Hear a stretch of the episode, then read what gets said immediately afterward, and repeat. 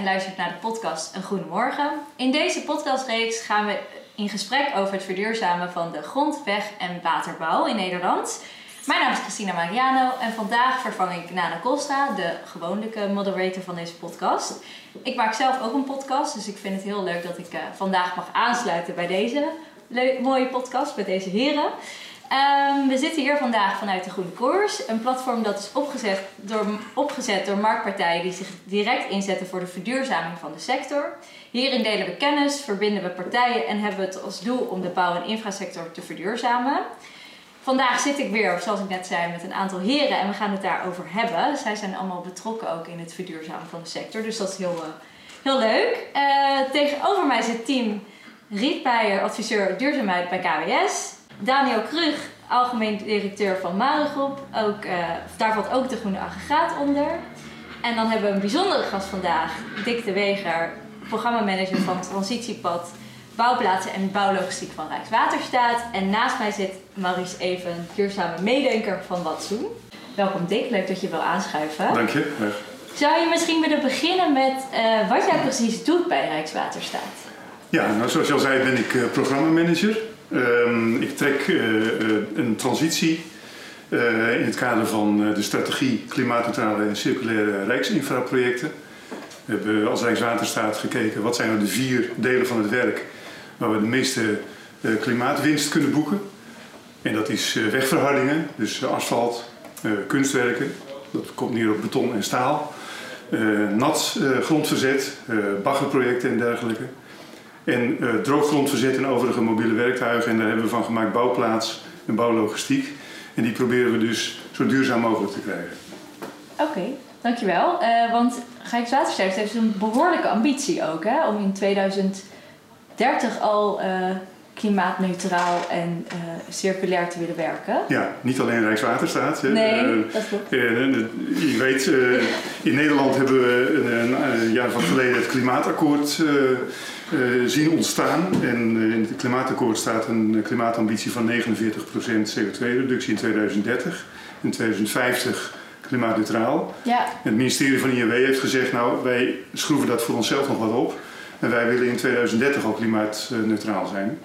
En niet alleen als ministerie, maar ook de uitvoerende organisaties Rijkswaterstaat en ProRail. en alle partijen die werken in opdracht van die uitvoeringsorganisaties. Dus wij sturen nu op een klimaatneutrale GWW-sector in 2030. Waarbij we dus ook het materieel klimaatneutraal moeten maken. Ja, dat is nog steeds wel een behoorlijke uitdaging. Het is een hele stevige uitdaging, absoluut. Ja. En um, hoe, op wat voor manier ben je dan nu bezig met uh, emissieloze bouwplaatsen bijvoorbeeld? Ja, wij proberen dit uh, te implementeren via onze projecten. Uh, want uiteindelijk zitten wij als Rijkswaterstaat, als beheerder van, van de Rijksinfrastructuur, zetten wij werkzaamheden op de markt. En we zorgen er dus voor dat onze aannemers dat die zo emissieloos mogelijk gaan werken.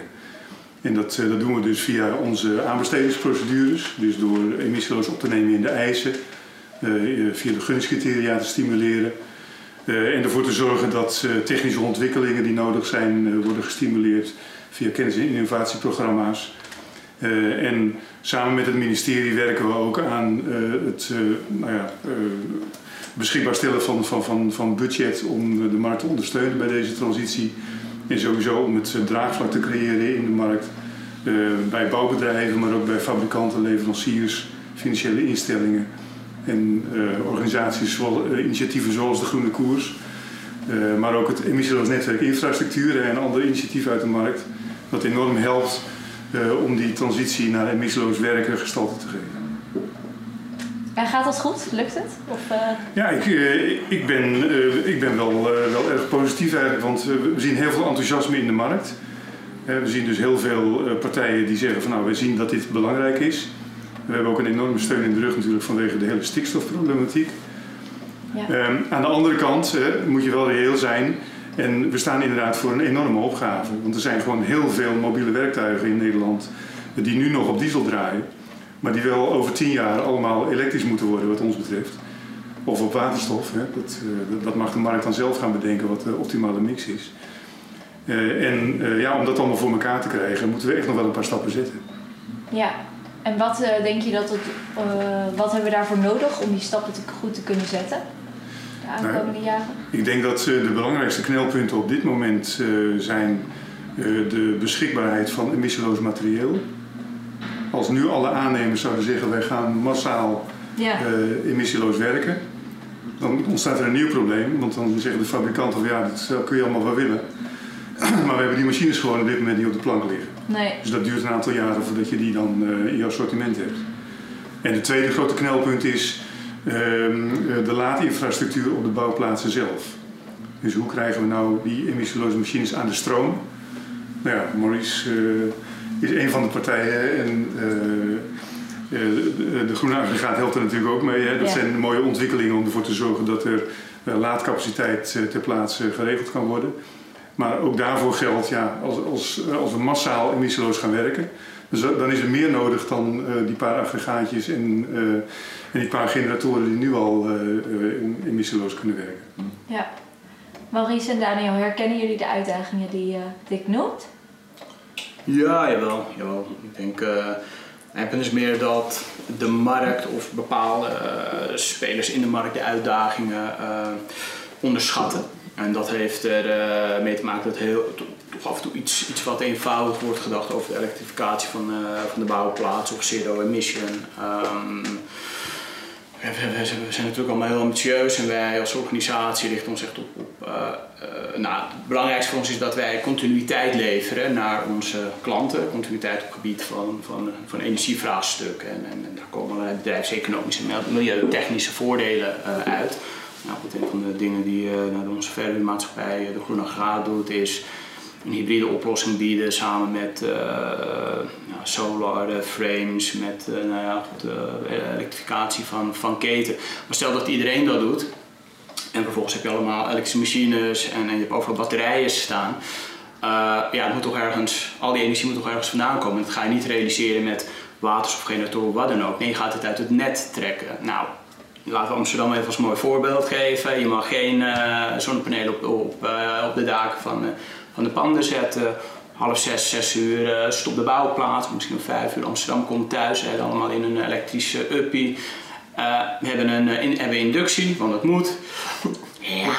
Ja. Iemand is toch wel erg hard de sjaak. En ik kan me niet voorstellen dat je uit huis komt en je nou ja, groene biefstukken wil bakken of, of, of je vega burger. biefstuk? Ja, vega. Ja, ineens heb je, en dat lukt ineens niet omdat er allemaal batterijen staan of machines staan die uh, het net in onbalans trekken. Op het moment dat het net in onbalans getrokken wordt, gaat iemand betalen. Ja, wie gaat ervoor betalen?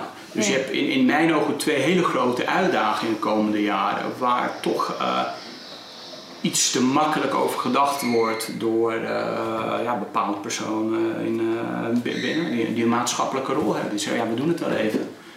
Maar als je deze vragen stelt, ja, heeft men geen antwoord op. Terwijl als ik deze vragen stel binnen, uh, binnen mijn netwerk, binnen de bouw, op senior positie, ja, dan wordt over gezegd, ja, we hebben onszelf wel enorme uitdagingen neergezet. En dit is wel iets wat we niet zomaar 1, 2, 3 kunnen, kunnen, gaan, kunnen gaan tackelen. Ben je het eens met wat... Nee, ik, ik, ik, ik, ja, ik herken zeker wat, uh, wat Daniel zegt. Uh, alleen is mijn pakje om het zo maar te zeggen, natuurlijk een ja, stapelbaar batterijsysteem tot 3,5 kilowatt. Is natuurlijk een andere orde van grootte dan echt grotere systemen. Ja, maar het is wel onderdeel van het geheel. Zeker, maar wat ik daarop wil zeggen is dat je daarin toch wel, um, omdat je dat dus niet per se altijd hoeft aan te sluiten aan het stroomnet.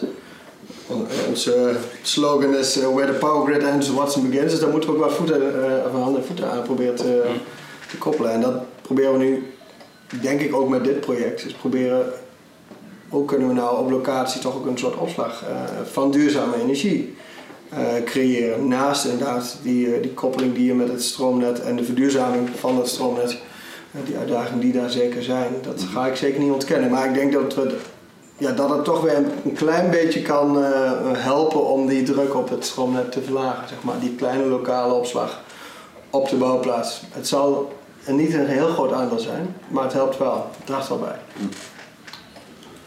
Ja, ik denk dat je inderdaad moet streven naar een combinatie van oplossingen. Hè? En je kunt, eh, je kunt eh, apparaten en huishoudens natuurlijk eh, op verschillende manieren van stroom voorzien. Ja. En je hebt netaansluitingen, je hebt eh, ehm, eh, mobiele oplossingen. Ehm, eh, er zijn eh, eh, accu's waar je, waar, waar je eh, stroom in kunt opslaan. Ehm, eh, en eh, je, je kunt misschien nog, een- nog een windmolen bijschakelen of zo. We hebben als Rijkswaterstaat natuurlijk eh, op allerlei locaties hebben we bedienruimtes waar aansluitpunten zitten. In feite zijn dat dan ook weer eh, net aansluitpunten. Ja. Eh, en, eh, en door te kijken naar de- ja, wat is nou de, de optimale combinatie van bijvoorbeeld een netaansluiting met eventueel nog een, een, een extra backup capaciteit voor, voor de, om, om piekvermogens op te vangen. Dan kun je denk ik een heel eind komen. En Zeker. op die manier zullen we, zullen we deze problematiek eh, integraal moeten, moeten benaderen. En kijken wat, is de meest robuuste eh, oplossing. Zodat inderdaad die, eh, die groene biefstuk waar jij het over hebt, dat die nog steeds gebakken kan Ja, ik eet hem niet. hoor. Maar het, het is sowieso volgens mij een hele shift, een hele ander stelsel komt eraan, waar veel meer eh, afname en, en afgifte ehm, er wordt gecombineerd lokaal. Op, ja, het, het wordt zo'n ander, flexibele, complexe, veel complexer ook, veel meer actoren. Ja, het is een geweldige uitdaging op zich, maar ik denk wel dat heel veel op zich ook partijen van kunnen profiteren en ook burgers ontzien. Ja, en er lopen ook pilots. Binnen KWS hebben we nu dus, wat we ook met Groene Kreet doen, we houden nu een jaar lang bij wat is nou de stroomvraag. Dus Ja. daar, daar, daar ligt nu ook nog een aggregaat in, dus ook echt een, een hybride kate. Ehm, en door dus een jaar lang bij te houden van, goh, hoeveel, wat is de stroomvraag en hoeveel werkt het op, Ja. we willen uiteindelijk een uitgekristalliseerde variant hebben die in principe gewoon, eh, of eigenlijk volledig elektrisch is. Meer dan dat is het niet. En los daarvan, eh, als we kijken naar wat het, het net dat er bijvoorbeeld nu ligt in Amsterdam, waar Daniel het net over had. eh, daar had ook een pilot waar we met de gemeente Amsterdam nu gaan kijken van goh, eh, wat nou als wij gebruik maken van een publieke laadpaal om Ja. tijdens schaft gewoon een klein half uurtje even onze elektrische shovel of kraan of welk materiaalstuk dan ook bij te laden. Ehm, en dan daarna weer door te kunnen voor een hele dag. Dus het, ja, er, spelen wel heel veel factoren en heel veel pilots die eh, bijdragen aan deze transitie en, hem ook goed kunnen eh, ja, inleiden, doorvoeren en, eh, en uiteindelijk natuurlijk het goed eind eh, brengen. Maar zorg dan wel dat je die, die schafwagen of die tools dan oplaadt overdag. Ja, doen we. Dat is wel mooi, dat het dan, hè, dan Nou heb je minder problemen. Of snel, of s'nachts. Ja. Of s'nachts, Ja, ja. Er in de ook dan eh, Ja. capaciteit eh, Ja. in. En, en over het algemeen loopt, eh, nou goed, ik nog met aardgas heb je altijd zo'n eh, zo'n eh, zo'n dalletje. En je weet precies van wanneer wie wat eh, wat gebruikt. Dat heb je ook met elektriciteit. We zijn zelf bezig eh, een beetje aan het pionieren en aan het nadenken om een, eh, een, een hele grote batterij te ontwikkelen samen met een energiebedrijf. Waarin we zeggen, nou oké, eh, maar hoe gaan we eh, transport doen? Die dingen wegen hartstikke veel. Hoe gaan we hem opladen zonder dat de markt, de omgeving er last van heeft? Ja, dan kom je toch heel snel uit op, eh op s'nachts. Capaciteit voor in. Maar ik, ik ben eigenlijk benieuwd, eh, benieuwd hoe, hoe kijken jullie naar de toekomst van generatoren? Is een generator onderdeel van de oplossing in de energievraagstuk die, die er is? En wat doe je dan precies met een generator? Eh, Een aggregaat. Eh, zoals we hem kennen. Mhm. Alleen dan misschien eh, niet op eh, diesel, maar op HV100 of op eh, waterstof of waterstofcellen. Hoe, hoe, hoe kijk, hoe kijken jullie tegen? Eh, ik- denk in de huidige vorm dat het aggregaat zeker nog nodig is. Ook gewoon om, om eh, vooral nu aan het kijken zijn van wat, wat is die stroomvraag nou, waar we natuurlijk uiteindelijk heen gaan als alles eenmaal elektrisch is. Hè, in afwachting van waterstof, dat is nog een stationtje verder. Eh, en daar kan je dan met HV rond heb je natuurlijk al die besparing van 90% CO2. Dus daarin heb je al een, een redelijke stap gezet. Ehm, en uiteindelijk, als, als de waterstoftechniek ehm, op het punt is dat het kunnen gebruiken, dan zie ik een, een aggregaat waterstof zie ik wel toekomst hebben. Weliswaar op groene waterstof natuurlijk, maar ook dat is weer een transitie van grijs naar blauw naar groen. Dus ja, dat, uiteindelijk denk ik dat het aggregaat zal bestaan, maar dan in een andere, andere vorm op waterstof. Ja. ja, ik denk inderdaad dat eh, biobrandstoffen, dat, eh, dat is voor de korte termijn is dat een, een mooie tussenoplossing. Eh, maar wij, eh, wij kijken naar de, de, de beleidsdoelstellingen en we hebben niet alleen te maken met klimaatdoelen, maar ook met eh, stikstofproblematiek. En eh, in het verlengde daarvan ook nog de schone luchtproblematiek, dus eh, fijnstofemissies, waar je ook vanaf wilt. Dus in feite zeggen wij van we willen uiteindelijk van, van fossiele brandstoffen af. Eh, dus ook van, van biobrandstoffen. En dat betekent dat wij ervan uitgaan dat we zeg maar tweede helft van dit decennium dat we dan beginnen met het uitfaseren van biobrandstoffen. dan zul je dus met, met, met andere met, met alternatieven moeten kunnen komen. En Ehm, als jullie zeggen van hè, we hebben nog tien jaar om het helemaal klimaatneutraal te doen, waarom dan niet gelijk die overstap maken? Waarom dan wel die tussenstop met biobrandstoffen? Nou, omdat, eh, omdat op dit moment de markt er nog niet klaar voor is hè, Ja. om massaal die emissieloze machines eh, eh, in te gaan zetten. Ja, zoals je net al Ja, Wat ik al in het begin Ja. al aangaf, Ja. als, als iedereen nu een emissieloze graafmachine, shovel, zou gaan kopen, ja, dan, dan, dan, dan, dan hebben we gewoon een, een, een- het probleem van waar halen we ze vandaan. En dus voorlopig zullen we toch nog met die eh, fossiel aangedreven machines moeten blijven werken. Er zitten natuurlijk ook nog een heleboel eh, fossiele machines in de markt die nog niet afgeschreven zijn. Ja. Dus het zou nog een stukje kapitaalvernietiging zijn als je die nu eh, in één klap allemaal uh, opzij schuift. En we realiseren ons wel dat ja, het kost, kost gewoon geld, deze transitie. Maar we hoeven het geld ook niet over de balk te smijten. Dus als het op een andere manier, op een geleidelijke eh, manier eh, eh, kunnen realiseren, die transitie, dan, dan heeft dat onze voorkeur. Dus vandaar dat ik zeg van ja, voorlopig is biobrandstof nog zeker een, een optie. Vooral omdat je zegt van het is, het is een mooie stap in de richting van CO2-reductie. Maar ja, je blijft, eh, eh, als je geen nabehandeling toepast, dan blijf je nog met een aanzienlijke stikstofemissie zitten. Dus die nabehandelingssystemen die horen er ook bij. Dat is een extra investering. En dan uiteindelijk, ja, waterstof, dat, dat, zie, dat zie ik als een, eh, als een eh, techniek die vooral voor hele grootschalige toepassingen geschikt is. Want als je groene waterstof wil produceren, dan heb je ook weer te maken met allerlei schaarse grondstoffen die je nodig hebt.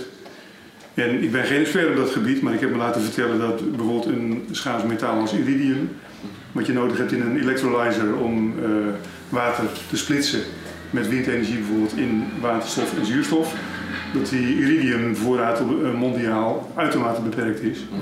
En dat de, de oplossing daarvoor, de technische doorbraak die daarvoor nodig is, dat, die nog, eh, dat daar al 15, 20 jaar naar gezocht wordt. Maar eh, die is er nog niet. Dus misschien komt die er hè, en dan, dan kunnen we inderdaad die stap gaan zetten. Maar dat is echt eh lange termijn kwestie. Wellicht, wellicht zou je wel, om dan nog terug te komen op jouw vraag, van heb je ze nodig als je zeg maar op. De uitdaging is natuurlijk die opslag van die duurzame energie die er best wel is op locatie. Als je dat nou, waterstof zou een optie zijn, maar misschien zou het in een ander soort vloeistof, synthetische Hmm. brandstof, eh, synthetische kerosine zijn ze nu ook volgens mij mee bezig. ja.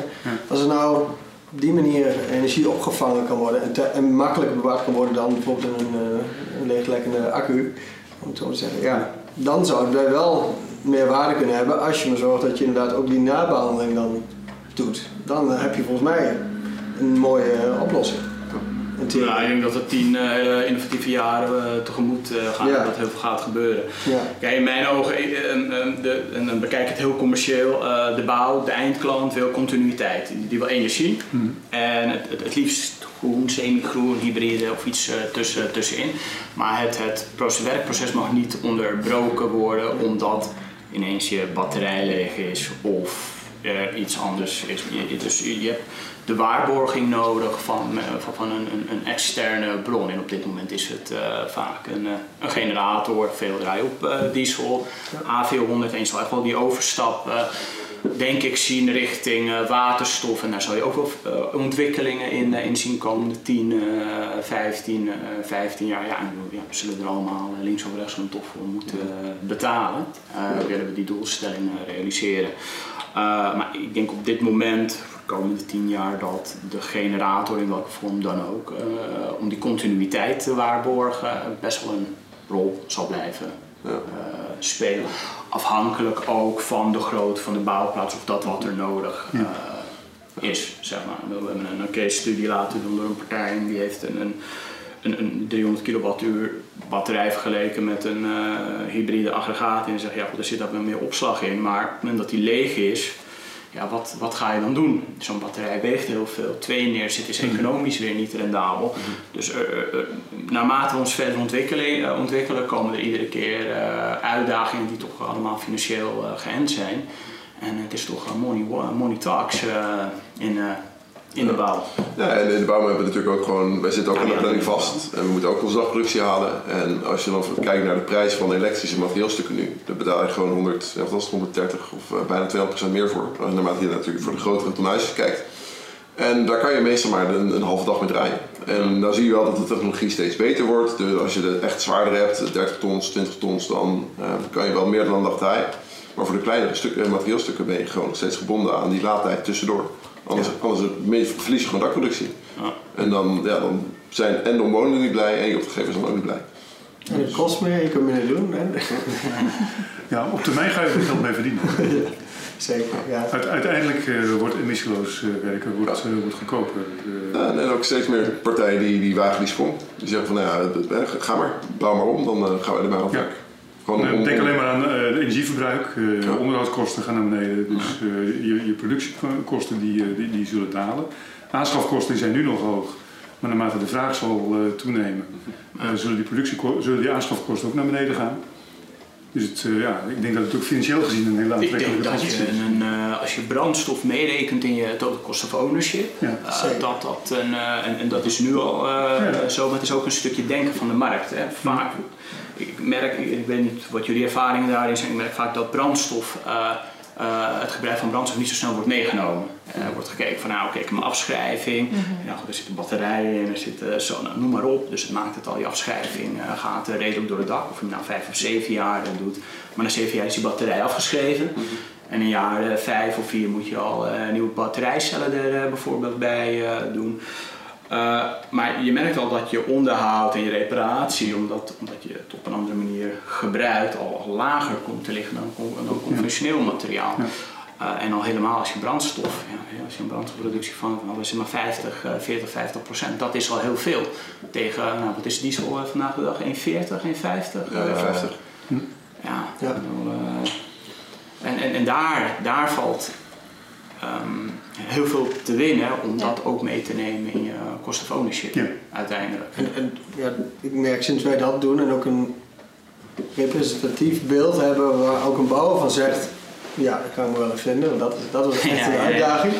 Ja, was, dat, was dat een uitdaging? Nou, nou ja, omdat ja, als je de vergelijking qua eh, sowieso uit, nou ja, gewoon de vergelijking elektriciteit en brandstof, ehm, daar echt naar de prijzen gaat kijken, dan ja, komen de bouwers kwamen in eerste instantie toch wat positiever uit voor het brandstofverhaal. Omdat, ze, omdat ook de cijfers, eh, wanneer je brandstof meenam, zo rigoureus een verschil veroorzaken dat ze zeiden, dat kan niet waar zijn. Ja.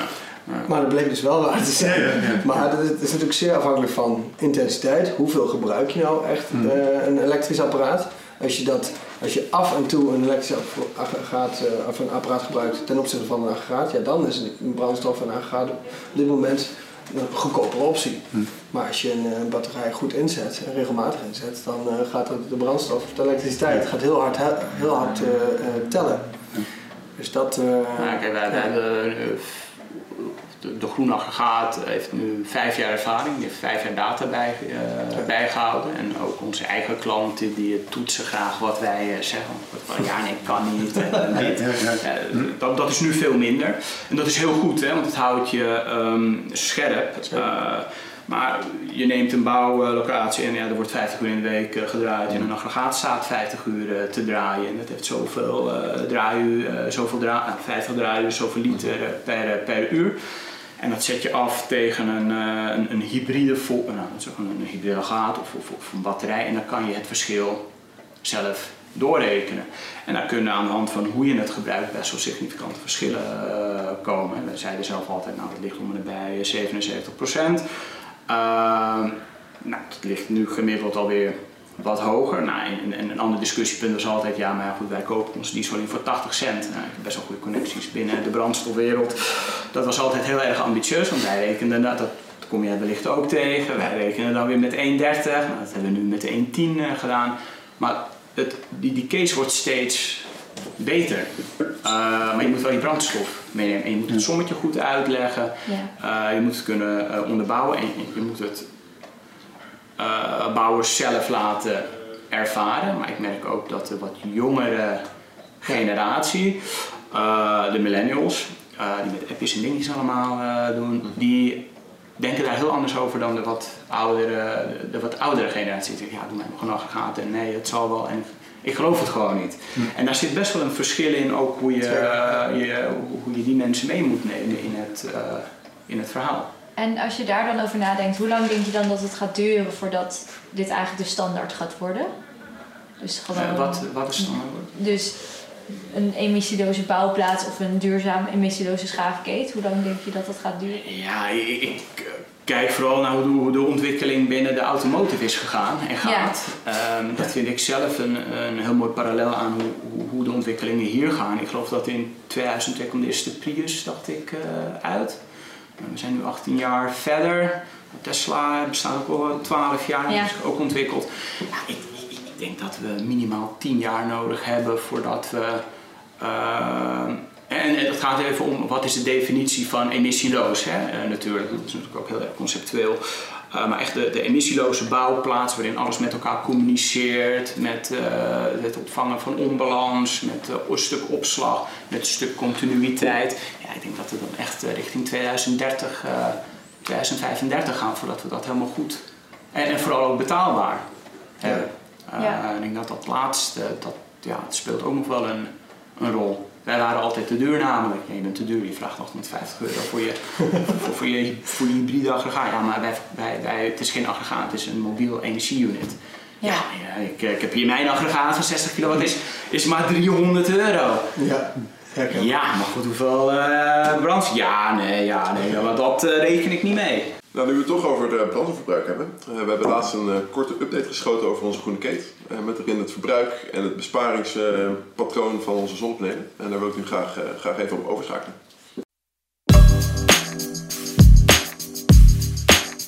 Nou, welkom. We zitten hier in de groene keten van KWS, de allereerste groene keten van KWS. Ehm, en we hebben een kleine korte update.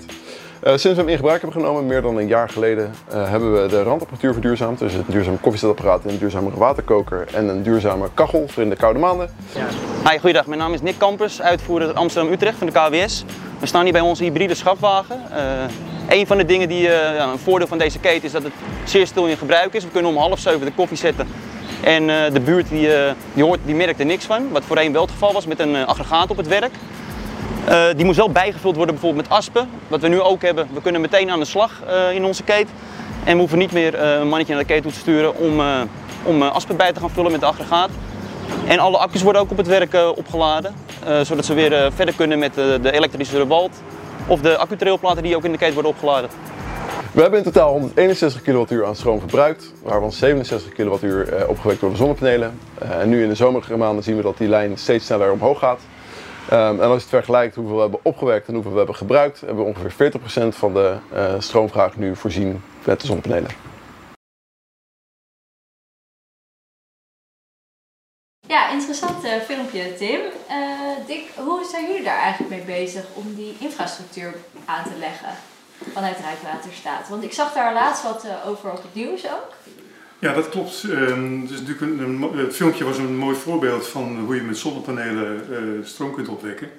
Eh, en Rijkswaterstaat heeft natuurlijk heel veel areaal, eh, heel, veel, heel veel ruimte rondom de snelwegen en de vaarwegen, die je ook op die manier zou kunnen gebruiken.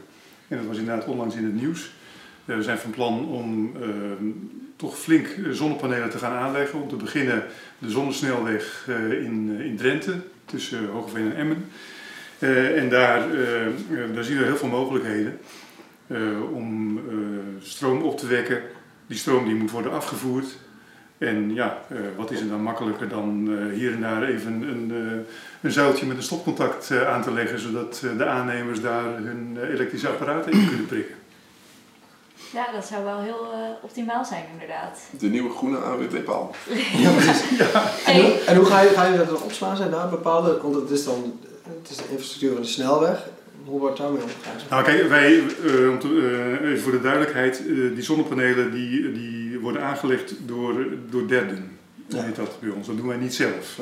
Dus, ja. Dus er zullen zeg maar, commerciële partijen zijn die, die, die een concessie krijgen om daar op die manier stroom te mogen opwekken. En die zijn dus ook verantwoordelijk voor de afvoer en de opslag van de daarop gewekte stroom. En dat, eh, dat, dat doe je met, ja, met, met of een accu of je gebruikt daar een. eh, eh, nou, ik weet niet, misschien kun je het gebruiken om waterstof op te wekken. Er zijn natuurlijk allerlei, allerlei mogelijkheden. om, de- om die, die stroom netjes, netjes op te slaan, zodat het op een later moment nuttig kan worden toegepast. Maar jullie zetten het meer, zeg maar, meer beschikbaar. Ja, wij faciliteren dus in feite de, de, de, de, de elektriciteit rondom de infrastructuur. Dat is het idee. Precies. Ja. Hey, en we zijn er nu mee bezig hè, om deze transitie op poot te zetten. Maar volgens jullie, wie moet die transitie eigenlijk gaan betalen? Dat is volgens mij nog wel een grote vraag. Nou, jij gaat gelijk lachen. Ja, eh, degene die het betaalt is de burger uiteindelijk. Ja, Of wij allemaal. Dan maar. Ja, Nou eh, burger, ja.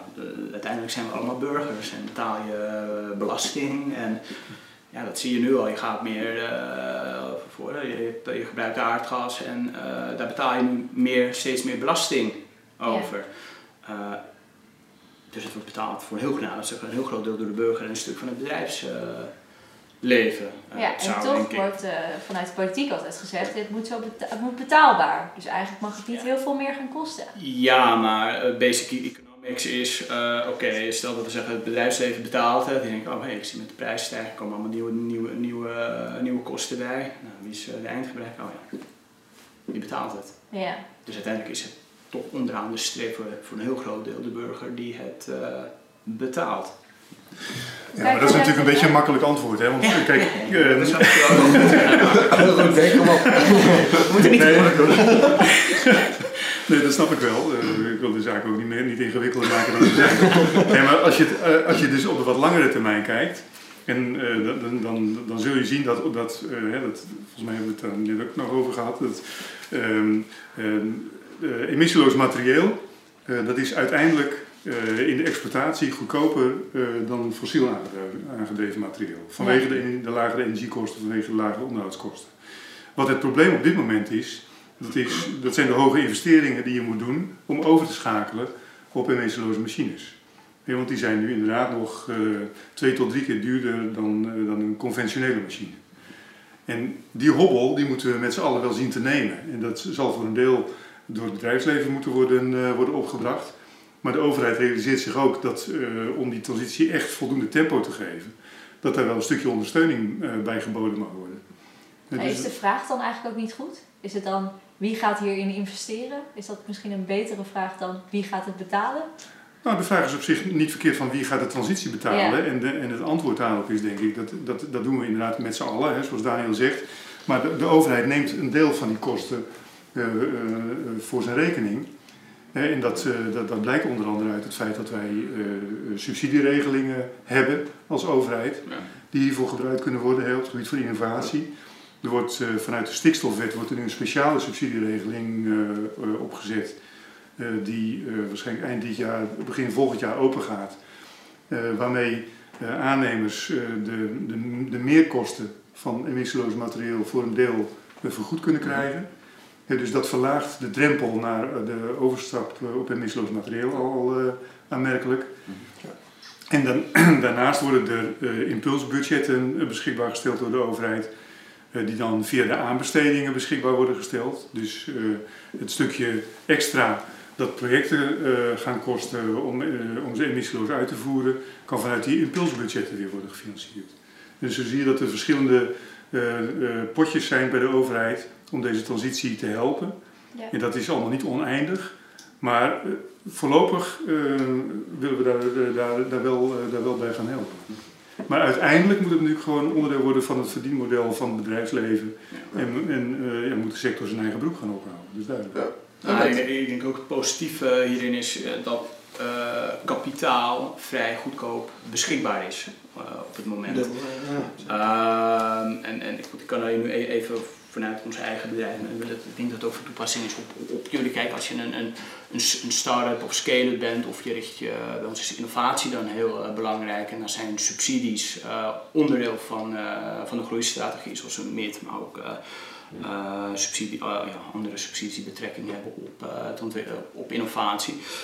Feit is dat omdat, geld, omdat we nu veel makkelijk geld beschikbaar hebben, kan je het makkelijker ophalen en kan je bepaalde investeringen makkelijker eh, doen. En ik denk dat de overheid eh, wellicht nog wat meer zou kunnen doen om, om het voor vooral MKB'ers of, of scale-ups Mhm. wat makkelijker te maken om eh, grotere subsidies te kunnen, te kunnen aanvragen. Ik, ik denk altijd van ja, scale-ups zijn toch degene die vaak met eh, innovatieve eh, ideeën eh, komen om die transitie verder uit te voeren. Ja, wij zijn er een van, maar er zijn meerdere partijen die echt met hartstikke leuke ideeën en, en, en mooie innovatieve projecten komen.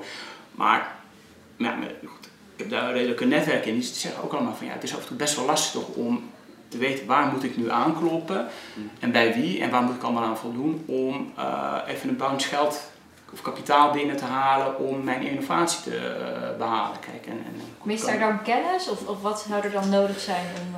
Uh... Um, ik, ja, best wel lastig. Uh, je hebt met de overheid te maken en, en die stelt heel veel beschikbaar. ik geloof de, de, de, club van Wouter Bos, hoe heet InvestNL. InvestNL is een heel mooi voorbeeld. Maar goed, laatst op, het, op RTL Z, maar ook in, in het FD ja, stond toch aangegeven dat, dat ze niet al hun geld kwijt kunnen. Hmm. En als je dan met zo'n partij in gesprek gaat, zeg je ja, maar je moet een tweede financierder hebben. Dan moet je op zoek gaan naar een tweede financierder om, om, om te kunnen groeien. En het, het is best wel een heel lang uh, een financieel complex proces om uh, dan bepaalde stappen te kunnen zetten. Terwijl InvestNL echt bedoeld is om bedrijven te helpen, tenminste zoals ik het uh, interpreteer en ook het gesprek natuurlijk, om, om, die groei op, in, op, op innovatie te realiseren. Dus er zitten altijd wel bepaalde uitdagingen en barrières aan waar wat kleinere bedrijven die uh, uh, wat, over wat minder kennis beschikken tegenaan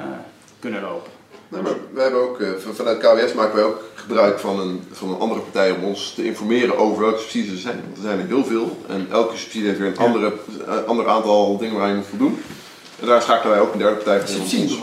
Ja, een subsidiebureau. Dat is het Nederlandse, Nederlandse Subsidieinstelling Instituut. Ja. NLSI. En dat, uh, al, al, onze verduurzaming gaat via hun. Om te kijken wat we daar uh, aan kunnen uh, krijgen voor subsidie. Ja, dus op dit gebied natuurlijk ook heel veel kennis bij RVO, hè? de. Rijksdienst voor Ondernemen in Nederland. Ja. Ja. Regelmatig mee gebeld. En ja, absoluut. bijvoorbeeld de DKTI-subsidie is ook echt een innovatiesubsidie. Ja. Nou, dan, als je die wilt aanvragen, dan kun je bij RVO kun je goed, goed geholpen worden. En een van, de, een van de onderdelen van dat hele stikstof financiële pakket waar ik het over had, is ook een pot om uh, innovaties uh, te bevorderen. En dus een deel is uh, de subsidie voor aanschaf, een deel is de, de ondersteuning van de, van de meerkosten van aanbestedingen. En een ander deel van het, van het totale pakket wordt gereserveerd voor innovaties. Dus daar, daar, daar, daar, kunnen die scale-ups van jou, die NKB'ers, die kunnen daar denk ik ook heel goed ja, gebruik van maken. Ja. Even een andere, hoe, hoe staan wij voor ten opzichte van andere Europese landen? Op ja, gebied, ben ik ook al benieuwd. Op het gebied van ja, beeld, ja. Uh, ja, energievraagstukken. Ja, als, het gaat om, als het gaat om emissieloos bouwen, dan lopen we voor uh, samen met de Scandinavische landen. Um, uh, ik ben aangesloten bij een, een, Europees initiatief dat heet de Big Buyers Group, Zero Emission Construction.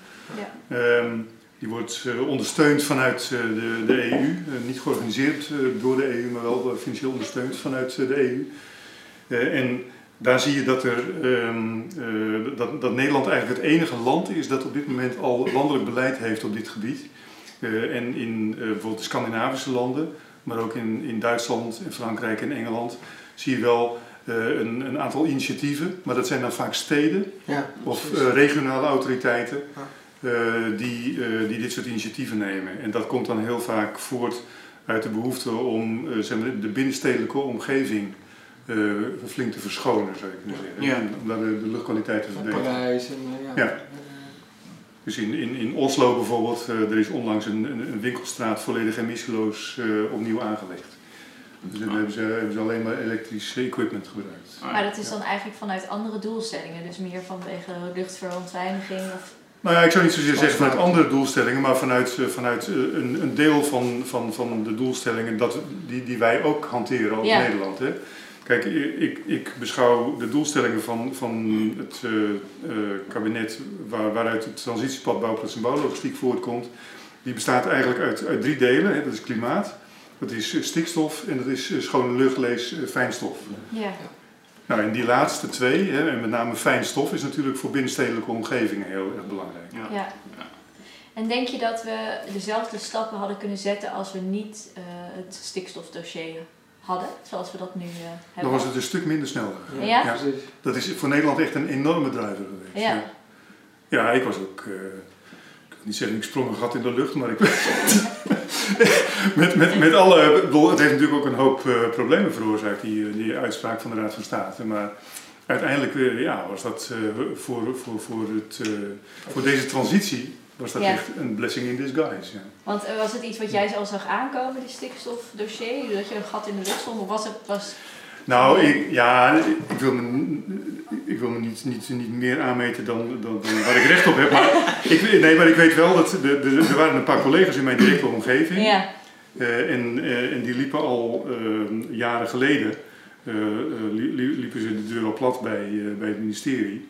Om erop te wijzen dat de, de, de, de, richting waarin zeg maar, die regeling toen ging, eh, ja, dat, dat, dat dat wellicht toch eh, op termijn niet helemaal houdbaar zou zijn. Nou, dat, is- dat is uiteindelijk ook wel gebleken. oké. Volgens mij moeten we ook alweer toe naar een afronding. Dus eh, ik ga jullie allemaal de beurt geven voor de uitsmijter. Oké, soundstapjes. Tim. Ehm, ja, de uitsmijter betreffende ehm, duurzaamheid. Ja, ehm, nou, ik, ik denk dat wij ehm, met degene de partij die hier aan tafel zit, dat we een goede, goed onderweg zijn om die eh, transitie eh, in te vullen en uit te voeren. Eh, we hebben zeker nog een pad te gaan, maar ik denk dat we, dat, dat we als we zo door blijven gaan, dat we er wel, eh, wel komen. Nou, volgens mij heb ik genoeg uitsmijters. Prima, dus eh, sla ik jou over. Dick, heb jij nog Groene uitsmijter. Goede uitsmijter. Ja, ik, eh, als uitsmijter wil ik nog wel, nog wel even een, ook een lans breken voor, eh, voor eh, het MKB, voor de, voor de kleine ondernemingen, Ja. die we in deze transitie zeker niet moeten vergeten. Jij, jij noemde ze net even, want het is daarnet niet, niet heel uitgebreid aan bod gekomen. Nee, maar van die, van, van die 40.000, 50.000 mobiele werktuigen die in de GWW-sector en in de bouw in Nederland actief zijn, is dus een heel groot deel eigendom van MKB'ers. En dat wordt nog een echte uitdaging. En ik zou dus ook de grote aannemers willen oproepen om, eh, om vooral ook in hun eigen werkwijze ervoor te zorgen dat die MKB'ers de, kans krijgen om die transitie mee te maken. ja. En ik zou- ik zou de MKB's willen oproepen, ma- maak ook gebruik van de regelingen die er zijn. En als je kennis en informatie nodig hebt, eh, ja, wend je dan tot eh, RVO of eh, tot het ministerie of tot Rijkswaterstaat. En eh, aarzel niet om ons te benaderen, Ja. eh, want eh, wij willen daarbij helpen. Goeie, goeie uitsmijter volgens mij. Niet om eh, Daniel. nou, ik denk dat Dick het heel mooi eh verwoordt. Eh, ik bedoel, eh, nou, daar zitten wel eh, ook heel veel kansen en Ja, mogelijkheden. En, zeker. en je moet het MKB zeker betrekken in, eh, Ja. In, dit, hele, in, in dit hele traject. Ja, want anders dan wordt het een, wordt het een slepend proces. Hè? Ja. Dan heb je misschien een paar grote partijen die het wel doen. ja, En die, die- als je niet uitkijkt, drukken ze de kleintjes nog uit de markt ook. precies. Ja. En eh, ja, partijen die niet willen, hè, die de kont tegen de krip gooien, jammer dan, maar daar nemen we afscheid van. Ja. Maar we willen wel de transitie zo inrichten dat er zoveel mogelijk partijen overleven. En dat dit, eh, dit een, een- gewoon een, een standaard onderdeel wordt van zeg maar, de Nederlandse economie, het Nederlandse bedrijfsleven. ja. A just transition. Precies. Nou ja, daarop aansluitend, ik denk wel dat we als Nederland zijn en wat, je, wat ik ook net zei, het is een landelijk, nu al echt een landelijk beleid, mede door, natuurlijk gestimuleerd door de stikstofproblematiek. Maar ik denk dat we daar als Nederland wel echt een mega kans hebben. Ik bedoel, we, we doen nu eh, ons best en er komt nu een gigantisch kapitaal natuurlijk, wordt daar naartoe gericht. Er komt steeds meer focus op. Ik denk als alles en iedereen goed oplet en vooral goed met elkaar blijft praten en netwerken, dat het, eh, dat er best wel mogelijk is. Ik denk eh, dat is dit natuurlijk ook een, eh, de pod- deze podcast is daar ook een, een, een, eh, effect van. Ja. En laten we vooral eh, bij elkaar blijven komen en blijven praten. Ik denk dat het dan eh, een stuk sneller gaat. Nou, super, dankjewel. Dat was hem dan weer voor eh, deze keer. Eh, we gaan eh, zeker nog met elkaar in gesprek. Volgende keer dus eh, weer te zien deze podcast. En eh, bedankt voor iedereen die hier was vandaag. En eh, hopelijk tot dan.